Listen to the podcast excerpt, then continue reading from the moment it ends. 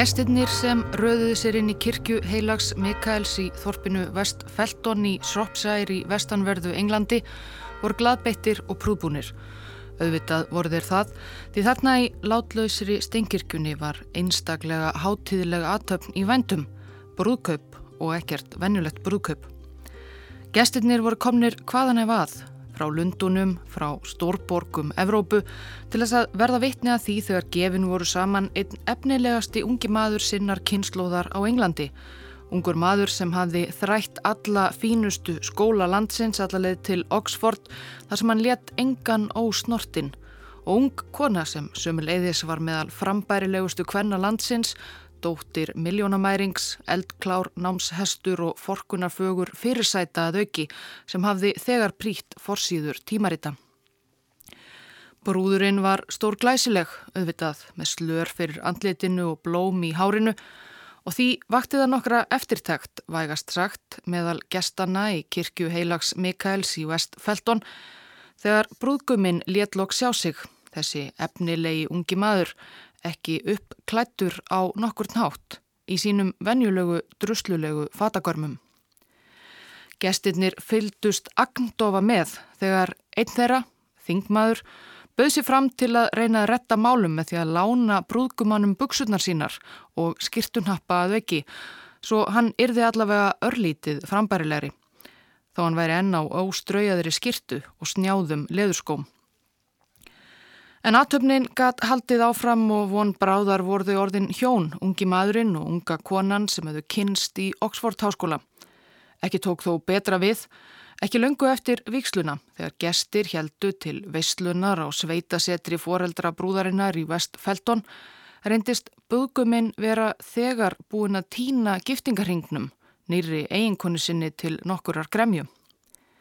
En lítið við því að gera. Veislan helt áfram. Þetta var 5. september 1987 og brúðurinn var Allegra Mostin Owens, dóttir vell auðugs listaverkasala og druslulegi brúðguminn var verðandi forsætisáþra Bretlands, Boris Johnson. Great um, supine protoplasmic invertebrate jellies. They, that's it. We are they don't want to ask me any questions. Now. We are now on to next business. You've been, you've been cheated. Your Labour, your Labour, your Labour accomplices have failed in their...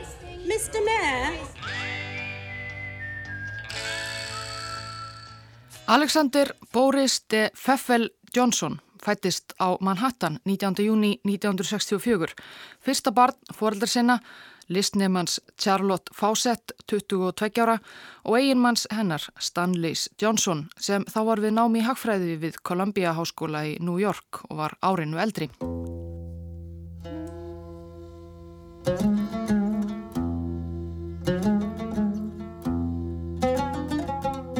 Langafi drengsins, föður afi Stanleys Johnson, var tyrkneskur bladamæður og pólitíkus Ali Kemal. Hann var viðförullum Evrópu og giftist bresk svisneskri konu, Winifred Brún, og eignaðist með henni tvö börn sem ólust upp á Englandi og tóku upp eftirnafn ömmusinnar, Johnson. Sagt er að ljósa hárið sem enkenir Bóris og mörg ættmenni hans Johnsona með í rekja annars vegar til föður Alice Kemal sem var frá smáþorpinu Kelfata í Anatóliu en þar hafa íbúar lengi verið ljósherðari en gengur og gerist meðal Tyrkja. Og hins vegar til móður Alice Kemal sem var, segir sagan, ljós og bláeigð þrælastúlka frá Sirkassíu í Kákasusfjöllum. Hvort þetta standist nánari skoðun skal ósagt látið hér en víst er að í Kelfat Þorpi í Anatóliu í dag eru Þorpsbúar mjög ánæðir með frænda sinn Bóris og framgang hans vestur í Breitlandi á síðustu árum. Ali Kemal, langafi Bórisar, gengdi ráþæra ennbætti á loka árum ottomanveldisins en var síðan myrtur í Tyrkneska sjálfstæðistríðinu 1922 Hann var andstæningur Ataturks og félaga sem þar stóðu uppi sem sigurverar, en það er allt önnur saga. Svonarsvonur hans Stanley Johnson ólstu upp í ágætum efnum þó fjölskyldan væri kannski ekki alveg í efstu yfirstjett. Stanley og Charlotte voru á miklum faraldsfæti með Boris Littla fyrstu árin. Þau fluttu heim til Bretlands frá bandaríkunum meðan örfára mánaða gamlan til Oxford þar sem Charlotte var í námi um tíma svo þvers og krussum Breitland þar til að litla fjölskyldan fór aftur til Bandaríkjana 1966 þegar Boris var tveggjára til Washington borgar þar sem Stanley fekk vinnu hjá Alþjóðabankanum. Þaðan svo til New York 1968 þegar Stanley var rekin úr alþjóðabankanum fyrir mísefnað grínum mögulega lánveitingu til Egiptalands fyrir byggingu þryggja nýra píramíta og svo loks sömarið 1969 aftur heim til Beretlands. Boris Leitli kifti sér lítið upp við þessa stöðugu flutninga. Hann var samkvæmt öllum frásögnum einstaklega þægt barn, grétt lítið sem ekkert og það þurfti lítið að sinnunum eða eins og Stanley Johnson orðaði það einu sinni í brefi til foreldra sinna. Alexander Boris er ótrúlega þægur og ég stend mig að því að gleima algjörlega að hann sé yfir höfuð til. Hann sefur aftur í bílnum á meðan við keirum mörg hundru kílometra og stundum þurfum við ekki einu svona nema staðar á meðan Charlotte gefur honum. Þegar Boris varð eldri var hann svo yfirleitt hæst ánægður með nefið ofan í bók, sagði fátt og let lítið á sér bera. Reyndar má ætla að hluti þess hvað Boris Littli var ótrúlega þægur ungur drengur var að hann var verulega hirnaskertur fyrstu æfi árin eða allt þar til hann fór í eirna aðgerð 8 ára gammal.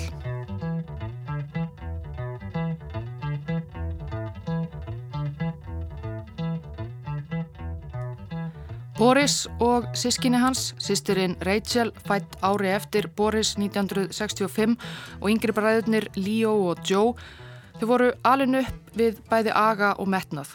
Þau fengu ekki að horfa á barnasjónvarp nema örfáa lærdómsþætti frá Breska ríkisútarpinu og fjögur ára var ætlast til að þau varu farin að lesa leiðarana í The Times. Milli sískinana var líka stöðu keppni Allt var keppni frá því hver læsi mest eða hraðast, hlipi lengst, væri bestur í bortennis, geti borðað sterkasta matinn og svo framvegis. Stanley, fadir þeirra, sagði um elsta drengin og sískinni hans. Boris hefur alltaf verið með mikið keppniskap, en það er það sem þeir kenna mann í mjög góðum skólum, að vera bestur. Börnin keftu mikið hvert við annað, en ég myndi bara kalla það heilbriða, góða, sístkina tókstritu. Og Boris Littli var ekki bara með mikið keppniskap, heldur mikið metnað frá unga aldri.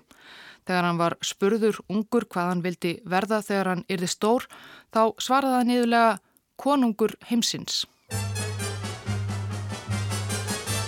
C'était au temps où Bruxelles rêvait C'était au temps du cinéma muet. C'était au temps où Bruxelles chantait.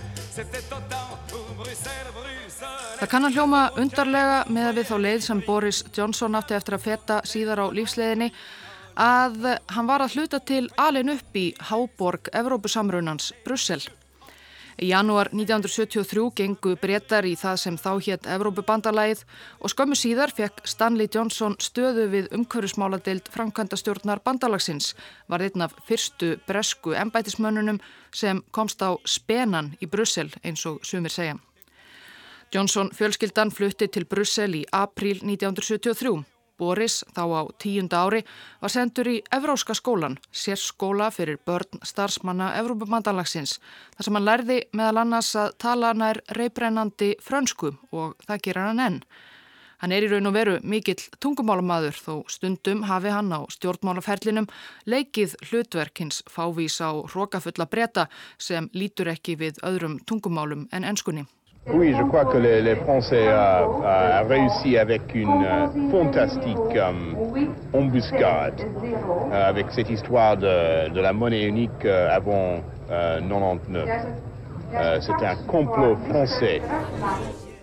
Boris gekk almennt vel í evróska skólanum. Það var æg betur að koma í ljósa þarna fór upplögur ungur námsmaður. En heimaferir í húsi Johnson fjölskyldunar í Brussel var ástandið öllu verra.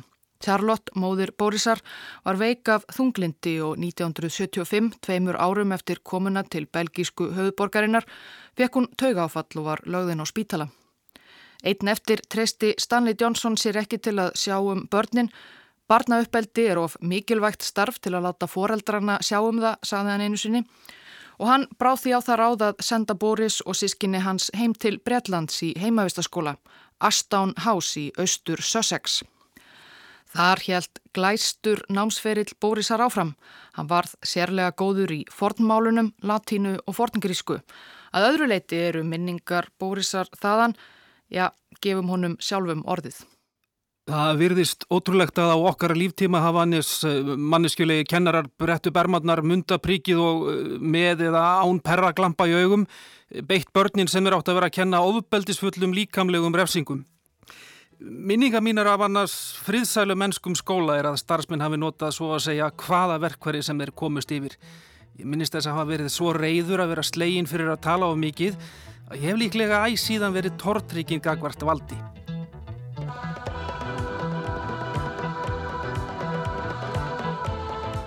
Bóris þurfti ekki að þóla þessa vítisvist lengi. Eins og vanalega var hann ekki lengi á sama staðnum. Eftir tvö ári í Aston House var komið að næsta áfangastað.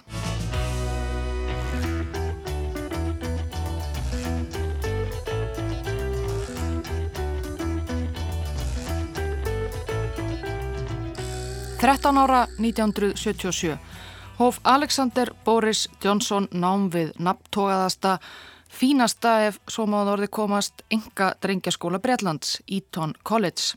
Þar í glæsilegum húsakinnum í samnefndum bæ í Berkshire í suðaustur Englandi hefur enski aðallinn og yfirstjett mentað ættlauka sína öldum saman. Þar hafa gengið fremstu sínir landsins, verðandi ráþerrar og Nobelsverluna hafar og svo framvegis og svo framvegis. The 4th of June at Eton, preserve of the English ruling class and the source of most of their virtues. Its world is reminded that on these playing fields, the Battle of Waterloo was won by an unflappable upper crust, which has never ceased since then to maintain a rich supply of top people from the same mold. Bishops, það gefur að skilja að skólavist í Ítón er ansi dýr. Svo dýr að það er raunar fáir aðrir en aðalsmenn og yfirstjættar foreldrar sem hafa efni á að senda síni sína þangað. En þó Mjög efnilegir ungir piltar geta fengið styrk til að nema við ítón að loknu ströngu intökuprófi. Þeir sem komast í gegnum það nálarauga, það er ekki nema 13-14 drengir á ári, þeir eru kallaðir King's Scholars og samkvæmt fornum hefðum sem eru í hávegum hafðar í ítón, klæðast þeir sérstökum skólabúningum, svörtum kubli yfir kjólfötin sem ítón piltar klæðast annars jafnan og þeir búa allir saman á heimavist fjarrri öðrum nefendum sem áttu ríkari eða fítni foreldra.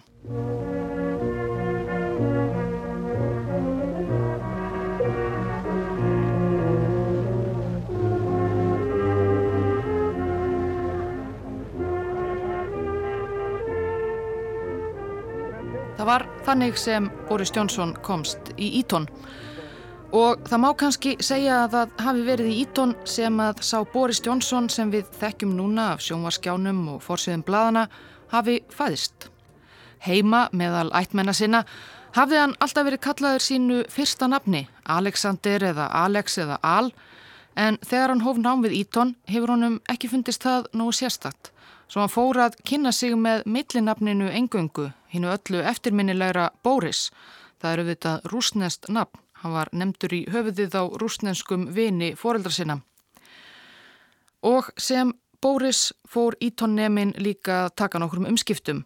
Hann hafi verið bókneiður og einrætt lengst af æsku sinnar en í Ítón spratt hann fram sem félagsljón og komiker. Hann varð eiginlega að annari personu eins og margir sem þekktu Bóris á yngri árum hafa vitnað um.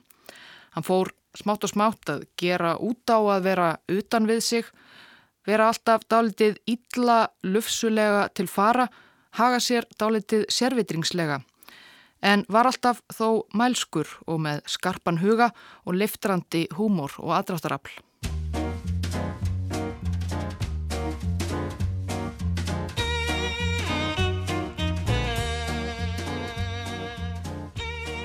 Sagt er að fyrirmynd Borisara þeirri personu sem hann skapaði sér á unglingsárum hafi verið Berti Wúster, hinn ungi og sérvitri og klaufalegi enski yfirstjættarmadur og sögum P.J. Wodehouse um æmintýri hans og enga þjónsins Jeeves, karakter sem einnig er þekktur í tólkun Hugh Laurie í sjónvarsþáttunum Jeeves and Wooster.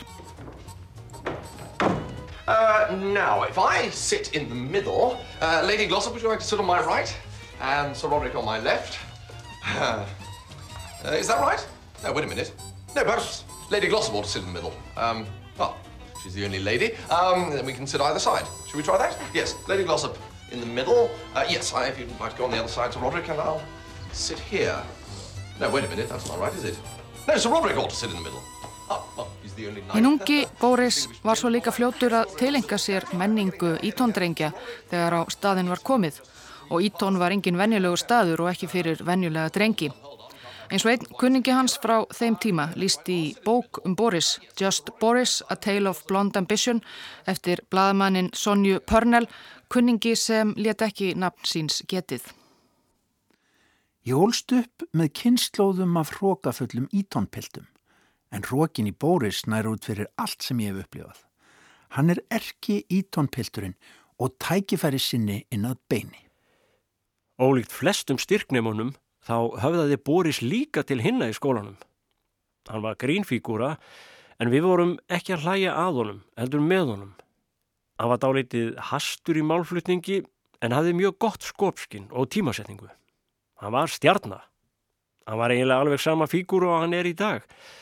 Ég sé alls ekki svo mikla breyting á honum. Og um kúltúrin hjá ítonpiltum almennt?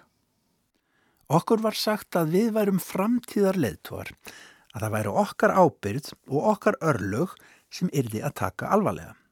Við nötum forréttinda en við vorum líka skuldbundnir til að gefa tilbaka til samfélagsins. Það voru væntingar á herðum okkar en líka tilfinning að ekkert væri of stórt. Maður hugsaði með sjálfum sér Er ég mögulega svona merkilegur?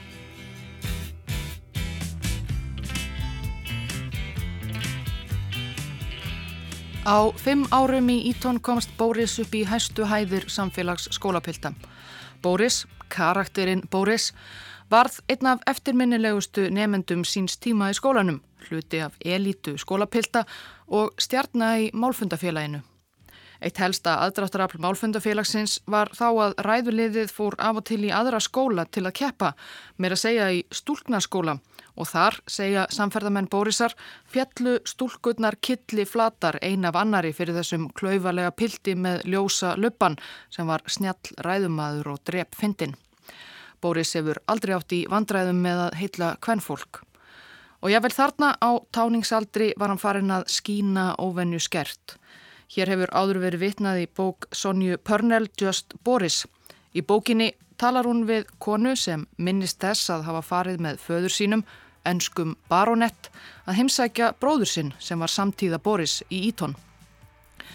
Þau sáu þá meðal annars ræðukeppni þar sem Boris tróð upp og skaraði svo fram úr jafnvelinnan um alla kláru Ítónpiltana að fadirinnar baronettin sagði þessi, þessi verður forsætisráð þeirra einn daginn.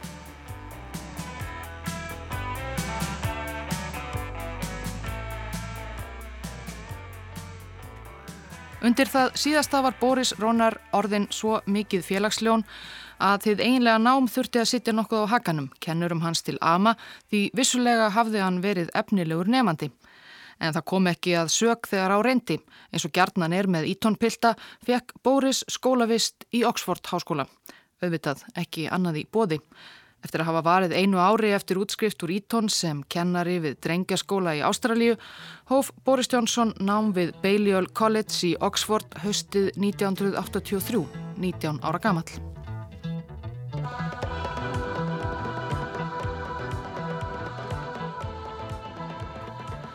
Það voru frekar erfiðir tímar í Breitlandi upp af nýjunda áratögarins valdatíð Margaret Thatcher En þess varð ekki mikið vart innan stinnveggja lærdómshallana í Oxford.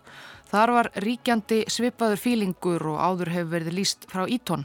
Einn af samtíðamönnum Borisar í Oxford lísti því svo. Þetta var hróki og metnaður. Við heldum öll að við erðum hluti af valdastjættinni. Að það ætti að verlauna okkur fyrir að vera klár og dugleg. Og Boris sjálfur um sig og háskólafélaga sína sagði síðar.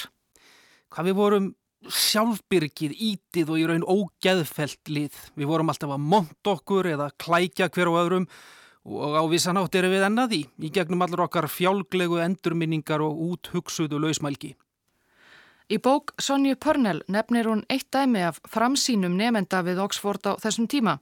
Það var ungur maður sem laði mikla áherslu á það alla sína skólatíð að ná mynd af sér með eins mörgum skólafélögum og hann gæti því líkur væru á því að einhverjir þeirra yrðu síðar frægir og valdamiklir. Það var auðvitað ansi sennilegt. Meðal samtíðamanna Bórisar í Oxford voru margir sem áttu eftir að lita brest stjórnmóralíf, nöfn sem við þekkjum eins og William Hague, Michael Gove, Jeremy Hunt, David Miliband, Ed Balls og auðvitað sá sem áttu eftir að verða einn helsti keppinautur Bórisar í leik og starfi David Cameron. Boris stóð vel að víi sem nýnemi. Hann gætt gengið að upplugum félagskap gamalla félaga úr ítón. Oxford háskóli á þessum tíma var kyrfilega stjettskiptur og fyrverandi nefendur úr glerfínum drengjaskólum eins og ítón voru efst í fæðukeðjunni. Svo merkilegir að þeir stunduðu að láta stúdenda úr næstu stjett fyrir neðan, nefendur úr fínum en ekki alveg eins fínum engaskólum, vinna fyrir sig ímsa greiða og skítverk. Þar fyrir neðan voru svo nefendur úr venjulögum ríkiskólum álíka réttháir og hinnir ósnertanlegu í Indlandi. En eins og margir gamlir ítómpildar á framabraut gekk Bóris í Bollington klubbin, drikkjufélag auðugra yfirstjættarstúdenda, aðeins fyrir Karla, félag frækt fyrir yfirgengileg drikkjulæti og skemdarverk en jáfnframt fyrir að hafa hýst marga framtíðar leðtóa Breitlands. Þar var raunar David Cameron líka. Til er fræg myndafélögum í Bullingdon klubnum 1987 þar sem sjáum á bæði Cameron og Johnson klætta í kjól og hvít að hætti klubfélaga mynd sem olli David Cameron nokkrum vandræðum fyrir bresku þingkostningarnar 2010. Hann vildi síður að pressan rifjaði mikið upp partistand hans með öðrum forreittindapésum á hans yngri árum. Myndin verðist þó aldrei hafa valdið Boris Johnson miklu hugarangri þó hann sé þar einnig áberandi. Verðist bara vera nokkuð stoltur af fortíðsinni.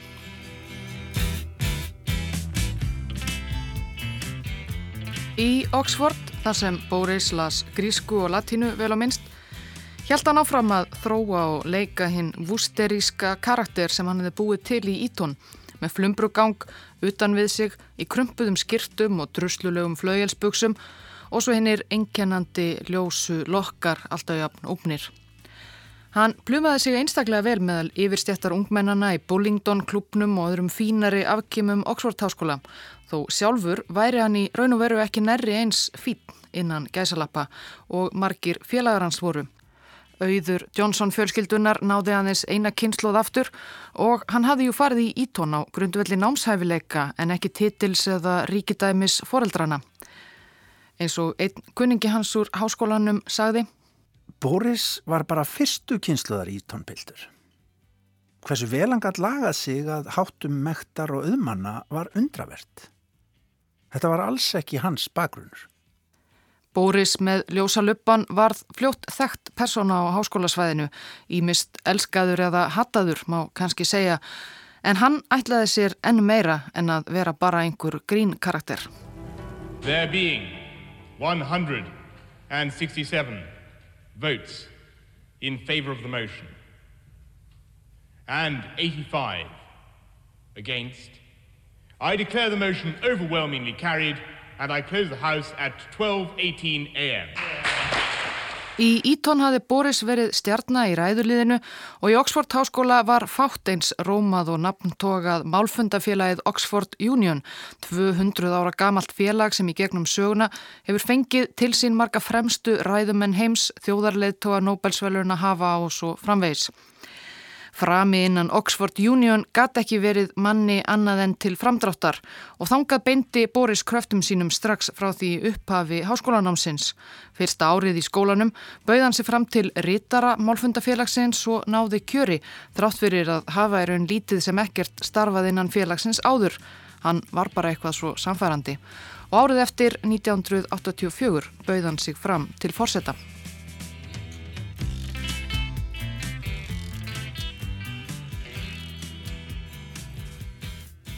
Það varð fyrsta eiginlega kostningabaráttan á ferli Alexanders Boris Johnson. Fórseti málfundafélagsins Oxford Union er ekkert venjulegt ennbætti því að var gengt til dæmis breski fórsetisáþrann William Gladstone og hinn pakistanska Benazir Bhutto. Einhverjir hafa sagt að frami innan Oxford Union sé nöðsynlegt skref á vekkferð þeirra sem gera sér vonir um að verða forsætisráð þeirra Breitlands á endanum. Þó reyndar séu þeir fleiri forsætisráð sem hafa ekkert haft með Oxford Union að gera. Boris til Hryllings fekk hann á sig mótframbóð frá ungum manniðanefni Níl Sherlock sem kom úr venjulegum barnaskóla og tilherði því hinnum ósnertanlegu í stjettkerfi skólans þó hann væri í raun rækilega af miðstjett. En Sherlock, rauðþærður nemi í hagfræði, heimsbyggi og stjórnmálafræði, reyndist Boris enguða síður ofjarl. Kanski vegna þess að Sherlock hafði einhver baróttumál sem hann vakti aðtegli á í kostningabaróttunni En Bóris virtist vilja að fólk kísi sig aðalega af því að hann hefði haft fyrir því að bjóða sig fram og af því að hann væri Bóris. Eitt af því sem hann gerði var að senda kæristuna sína. Þarna var hann auðvitað búin að næla í frambærilegustu ungu konuna í skólanum að lekru Mostin Owen sinna forkunar fögru og eldkláru Hann sendi hana að ræða við mótframbjóðundan Níl Sérlokk, reyna að sannfæra hann um að draga frambóð sitt tilbaka, ekki standa í vegi Bórisar þessarar elsku. En það gekk ekki. Níl Sérlokk var kjörinn fórseti í Oxford Union. Í Oxford á nýjunda ártögnum var það að læra einlega bara valdkvætt.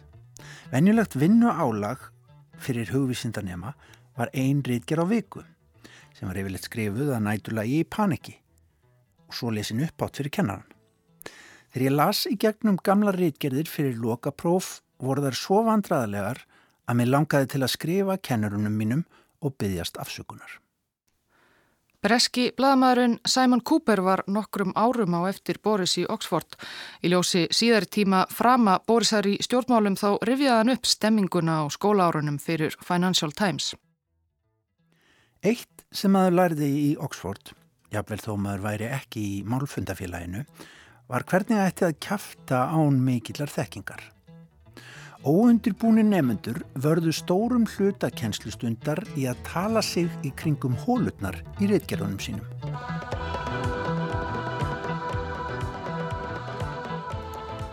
–1986, síðasta árið sitt í Oxford Háskóla, bauð Boris sig aftur fram til forsetta Oxford Union. Í þetta sinn var hann betur undirbúin, með sér í liði hafði hann bandarískan nefnda og talnaspekulant Frank Lunds sem síðar átti eftir að verða allræmdur spunamistari fyrir republikanaflokkin Vestanhafs. Og þeir viluði ekkert fyrir sér. Á háskólasvæðinu var Boris þekktur íhaldsmaður, bara eins og ættmenni hans öll, En þarna var vinstrimennska nokkuð í tísku meðal Oxford nema. Svo Boris í kostningabarottunni þóttist skindilega vera orðin stuðningsmaður jafnaðmannaflokksins SDP, Social Democratic Party. Boris segist að vísu í dag ekkert muna eftir þessu dadri sínu við jafnaðmennsku en það bar árangur. Boris var að lokum kjörin fórseti málfundafélagsins Oxford Union. Hvernig stóðan sig svo sem fórseti? Gerði hann eitthvað sérstatt í ennbætti? Nei, það man eiginlega engin.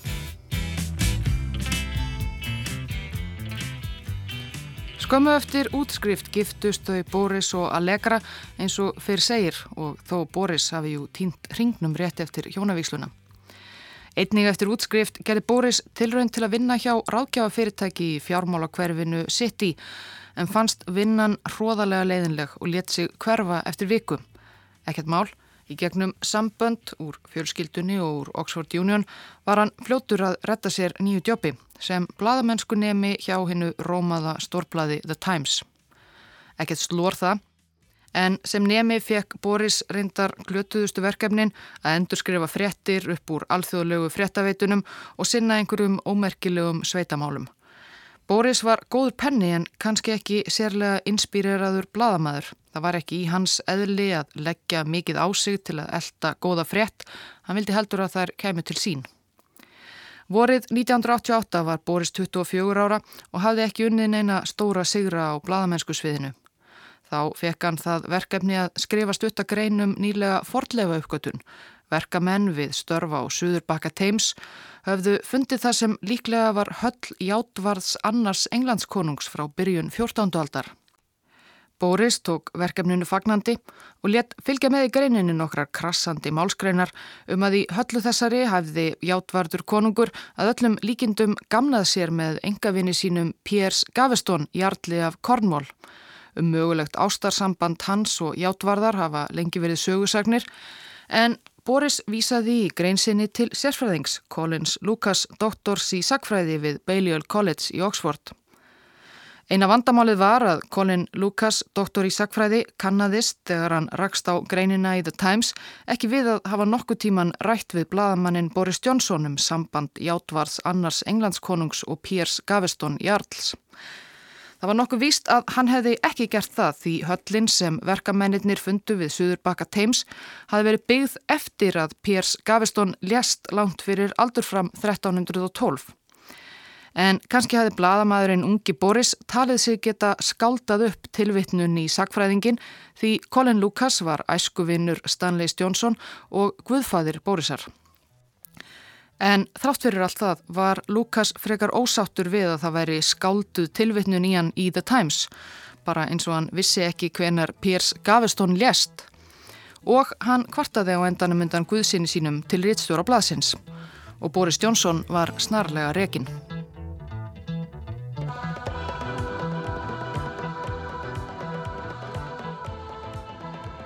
Hann var þó ekki lengi atvinnulegs. Fljótlega var Boris kominn með vinnu hjá aðal keppinaut síns gamla vinnustadar, öðru dagblæði The Daily Telegraph. Þar þekkti hann rítstjóran frá því að hann var fórseti Oxford Union og þar plumaði hann sig miklu betur þegar upp var staðið.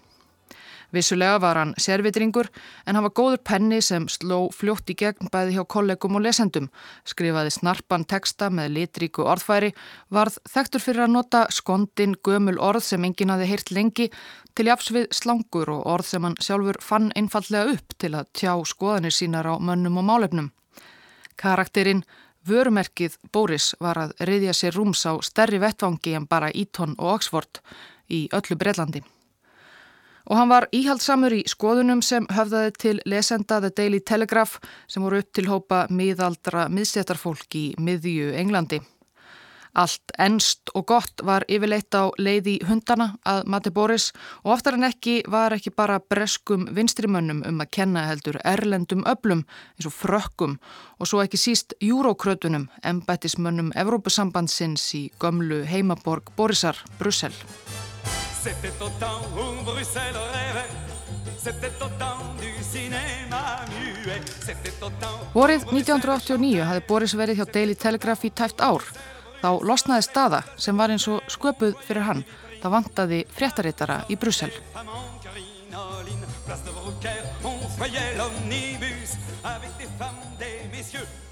Boris hafði jú búið í borginni sem barn, hann var svonur júrókrata, hann talaði góða frönsku og bærilega ítölsku. Þetta voru nýjir tímar í íhaldsfloknum sem Boris stutti. Leittói breskra íhaldsmanna Margaret Thatcher hafði tekið þátt í Evrópusamrunanum sem forsettisáþra en þarna nýlega orðið afhuga ánum. Í ræðu í Brús í september 1988 hafði Thatcher talað gegn evrósku ofurríki eins og hún orðaði það.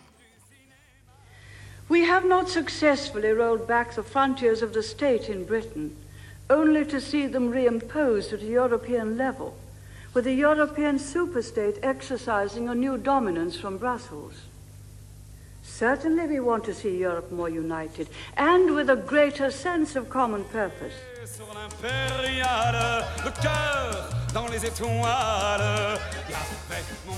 Við höfum öll heyrt þessar frettir, ef frettir má kalla.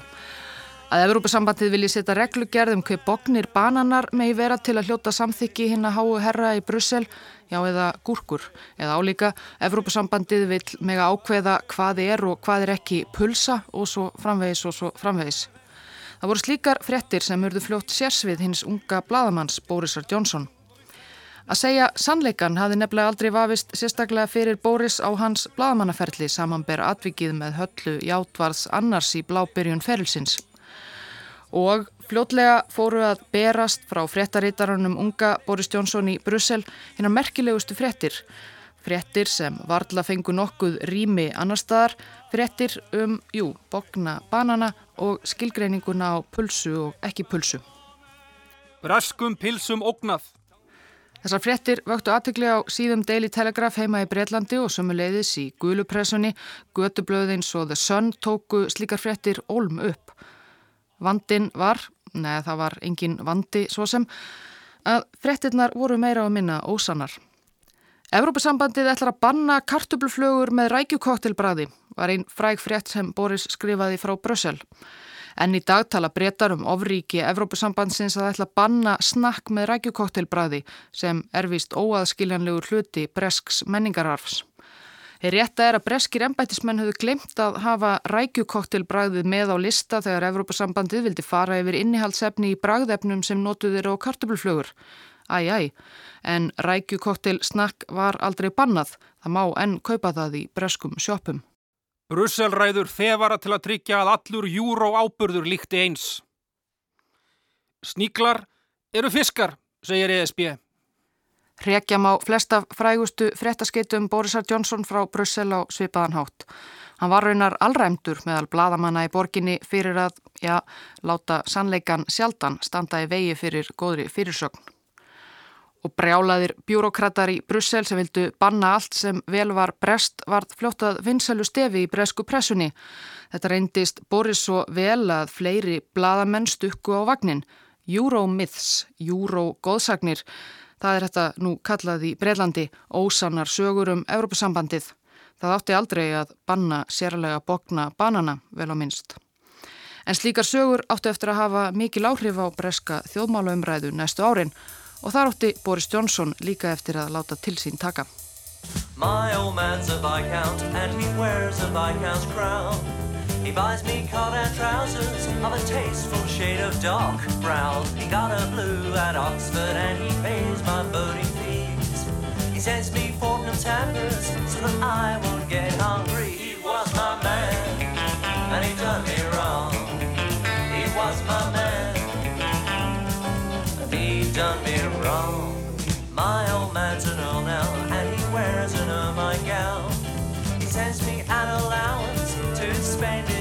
Town.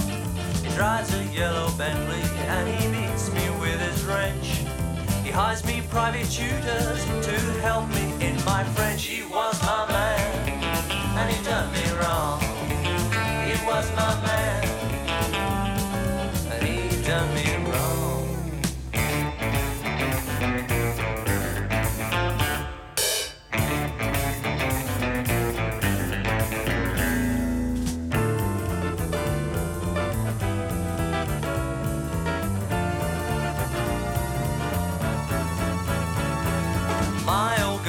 Duchess and she wears a Hartnell frock. She's picked me out a Cheltenham girl of Suffolk breeding stock.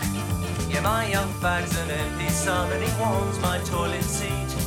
I thrash him with a whip to make his character complete. He was my man and I done him